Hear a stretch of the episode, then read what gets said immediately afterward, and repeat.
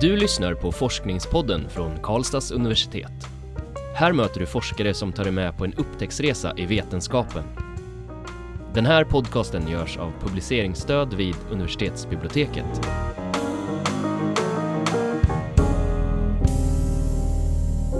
Hej och välkomna, mitt namn är Magnus. Jag heter Nadja. Och med oss i studion idag har vi pedagogen och gymnasieläraren Anneli Wiker. Varmt välkommen Anneli. Eh, vi ska prata med dig om din forskning som handlar om lärare och elevers erfarenheter av återkoppling i ämnet samhällskunskap i gymnasieskolan. Och till att börja med, kan du berätta lite om vad du undersöker i din licentiatsuppsats?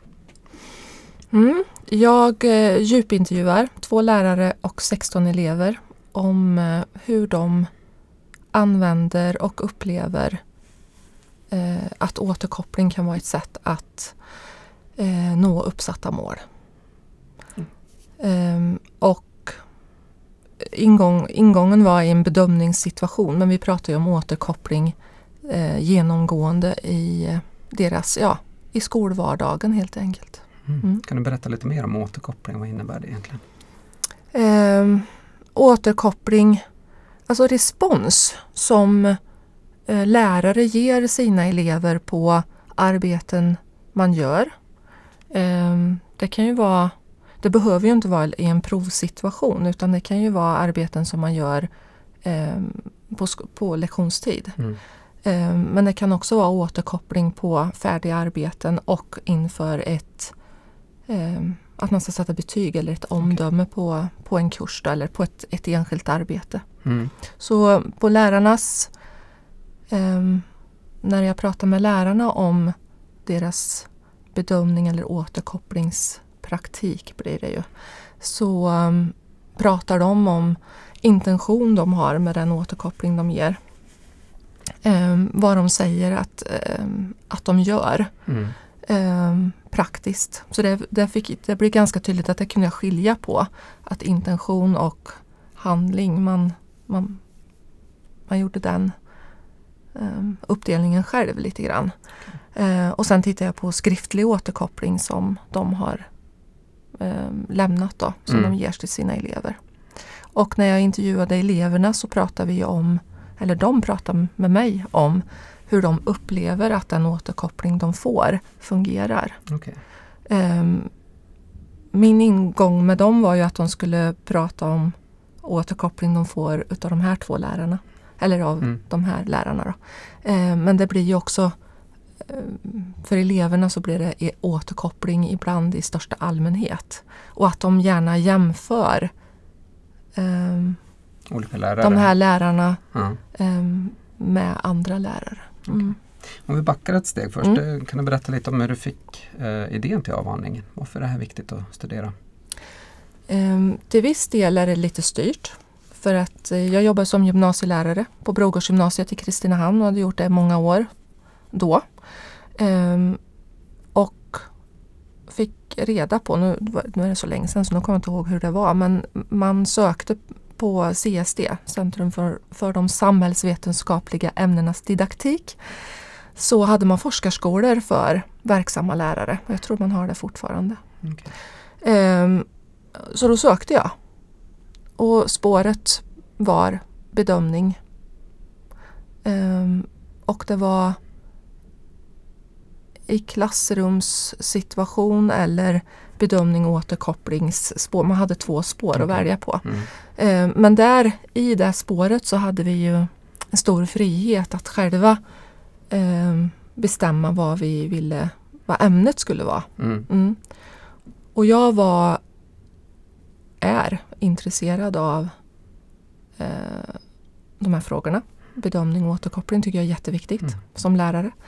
Eh, och det här var ju också precis när Gy11, gymnasieskolan 2011, kom ju en ny eh, läroplan då mm. för gymnasieskolan.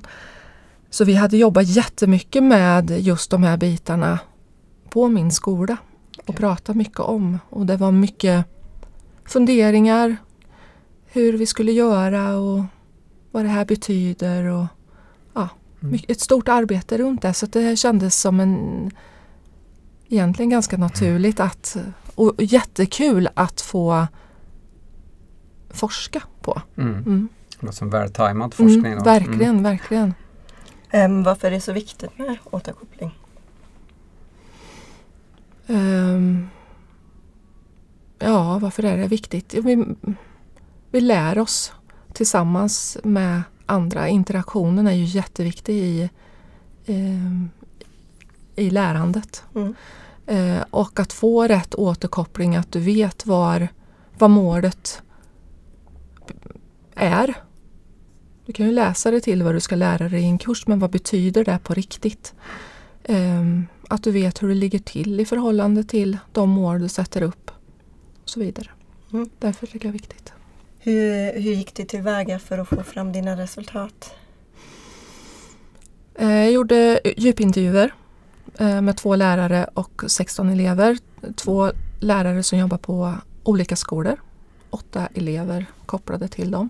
Eh, jag bestämde att jag, att jag skulle styra intervjuerna så lite som möjligt. Att jag ville att man skulle få prata fritt. Att det inte skulle bli min, eh, min tanke med hur man jobbar med återkoppling. Eftersom jag är lärare själv och nu skulle jag vara forskare. Mm. Det, blir, det, kan ibland, det var svårt ibland att skilja på det där. Så då bestämde jag mig för att jag skulle använda föreställningskartor som metod att göra intervju. För då har jag en övergripande frågeställning och så får lärarna och eleverna själva eh, beskriva eh, sina tankar, föreställningar om återkoppling i, eh, i bedömningssituation. I, I allmänhet också. så. Så, så det gjorde jag för att få fram mitt material. Och sen så fick jag naturligtvis kategorisera och sortera det materialet.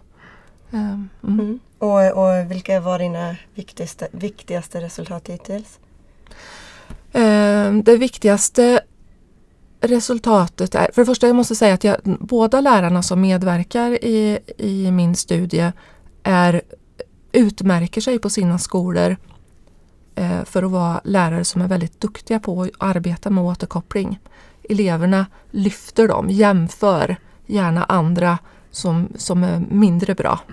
Eh, men de här två i jämförelse med varann så framstår den ena läraren som bättre än den andra på återkoppling och det, blir, det är lite missvisande för så är, är det inte egentligen.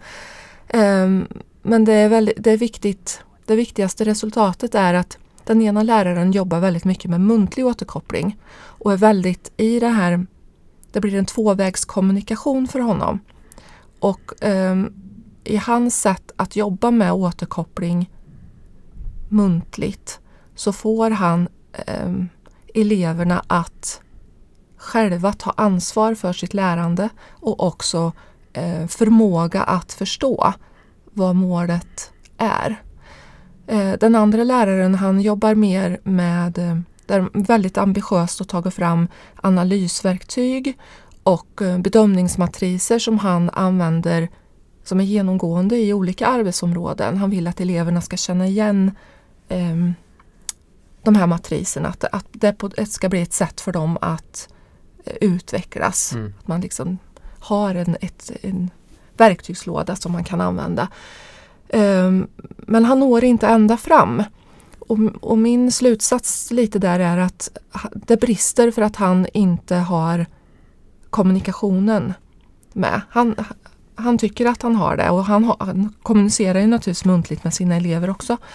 Ehm, men han når inte blir Fram mer på- av en envägs Ja, det gör det.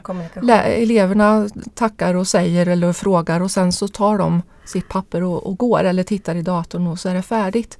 Ehm, så jag tänker att i kombination de här två lärarna med det muntliga och de här verktygen så skulle man kunna nå jättelångt. Mm. Mm. Men kommunikationen som också skapar en, en relation eh, mellan lärarna, den här läraren och eleverna är eh, jätteviktigt. Det visar att, att det blir riktigt, riktigt bra.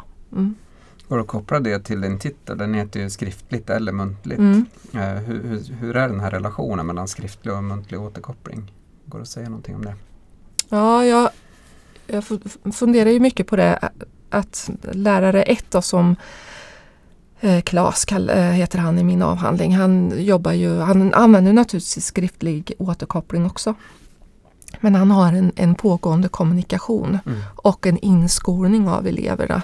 De jobbar också en hel del med, med självbedömning och kamratbedömning.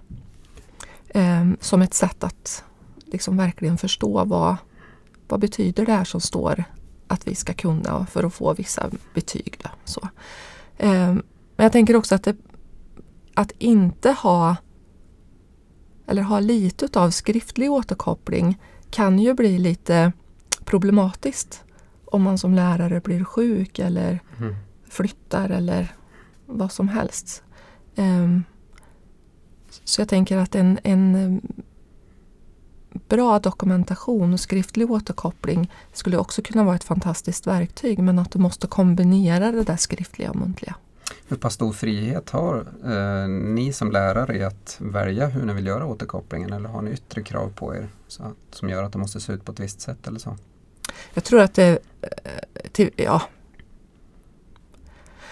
Jag vet inte hur mycket, hur stor frihet vi har nu. Jag jobbar ju inte i gymnasieskolan längre. Ehm, men när jag pratar med, med verksamma lärare så, så säger de, många utav dem, att ehm, det där skriftliga, att man har fina matriser och sådär, är, är viktigt för skolan. Att eh, det blir ett, ett verktyg för rektor som ska sätta din lön till exempel. Mm.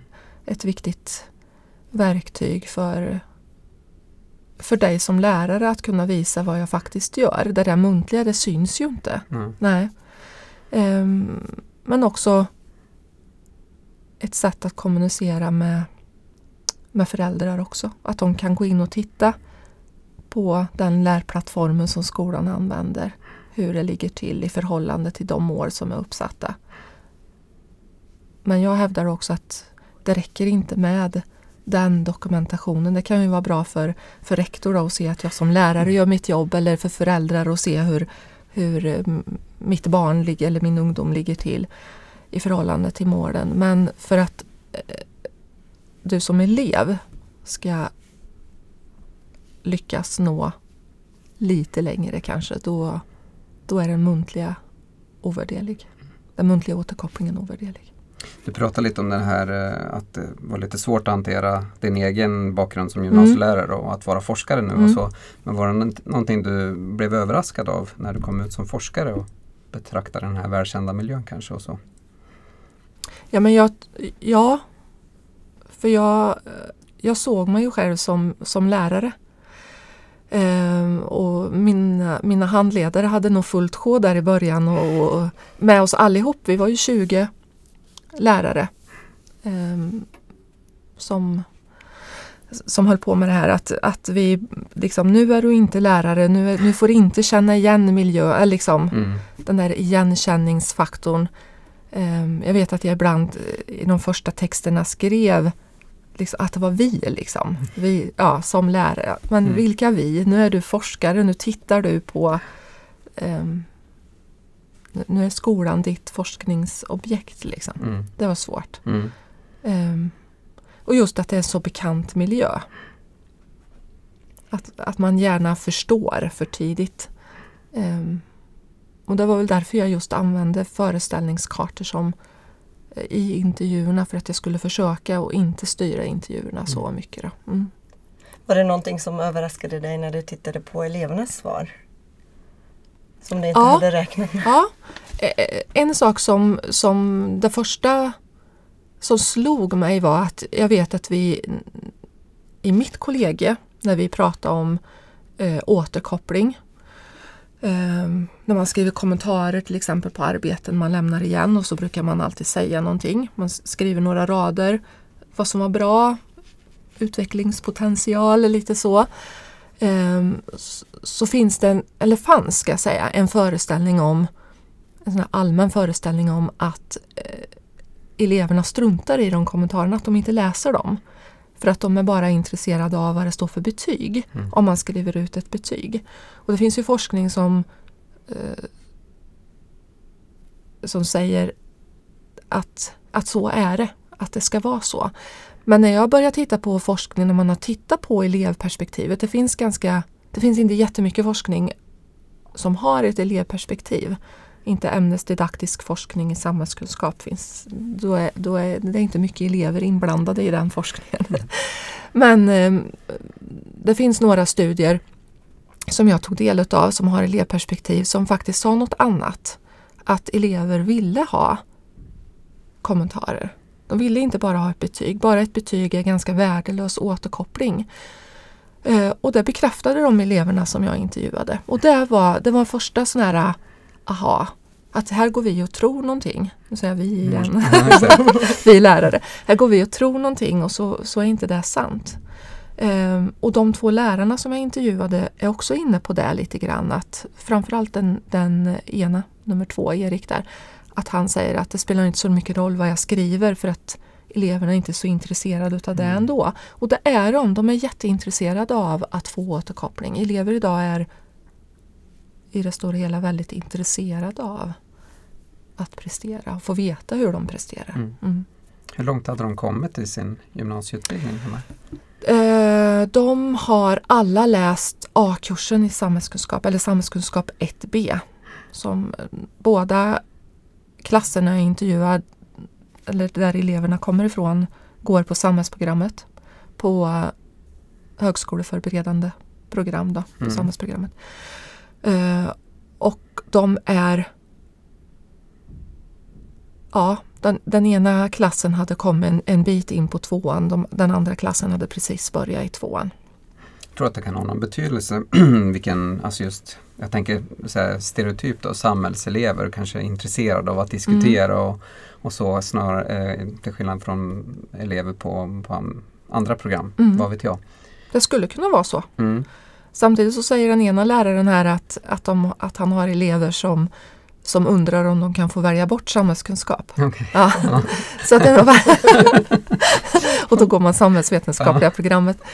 Um, så det är nog väldigt, väldigt individuellt. Mm. Men jag har också tagit del av en studie som visar att en norsk studie som uh, visar att uh, att jobba med formativ bedömning när vi pratar om när återkopplingen är jätteviktig för att, att du ska lyckas. Det är ju det återkoppling handlar om, eller formativ bedömning handlar om att du får återkoppling för att du ska kunna ta dig mot målet.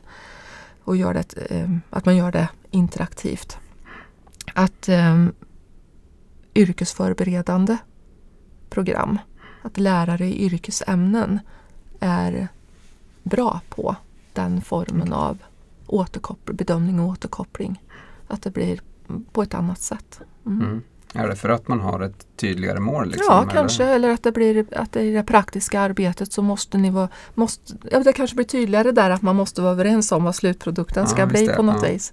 Jag vet inte. Mm. mm. Okay. Mm. Vilka tycker du borde läsa din avhandling? Eller licentiat? Jag tycker att um, alla som jobbar i skolan skulle ju kunna ha nytta, nytta av, den. den. Absolut.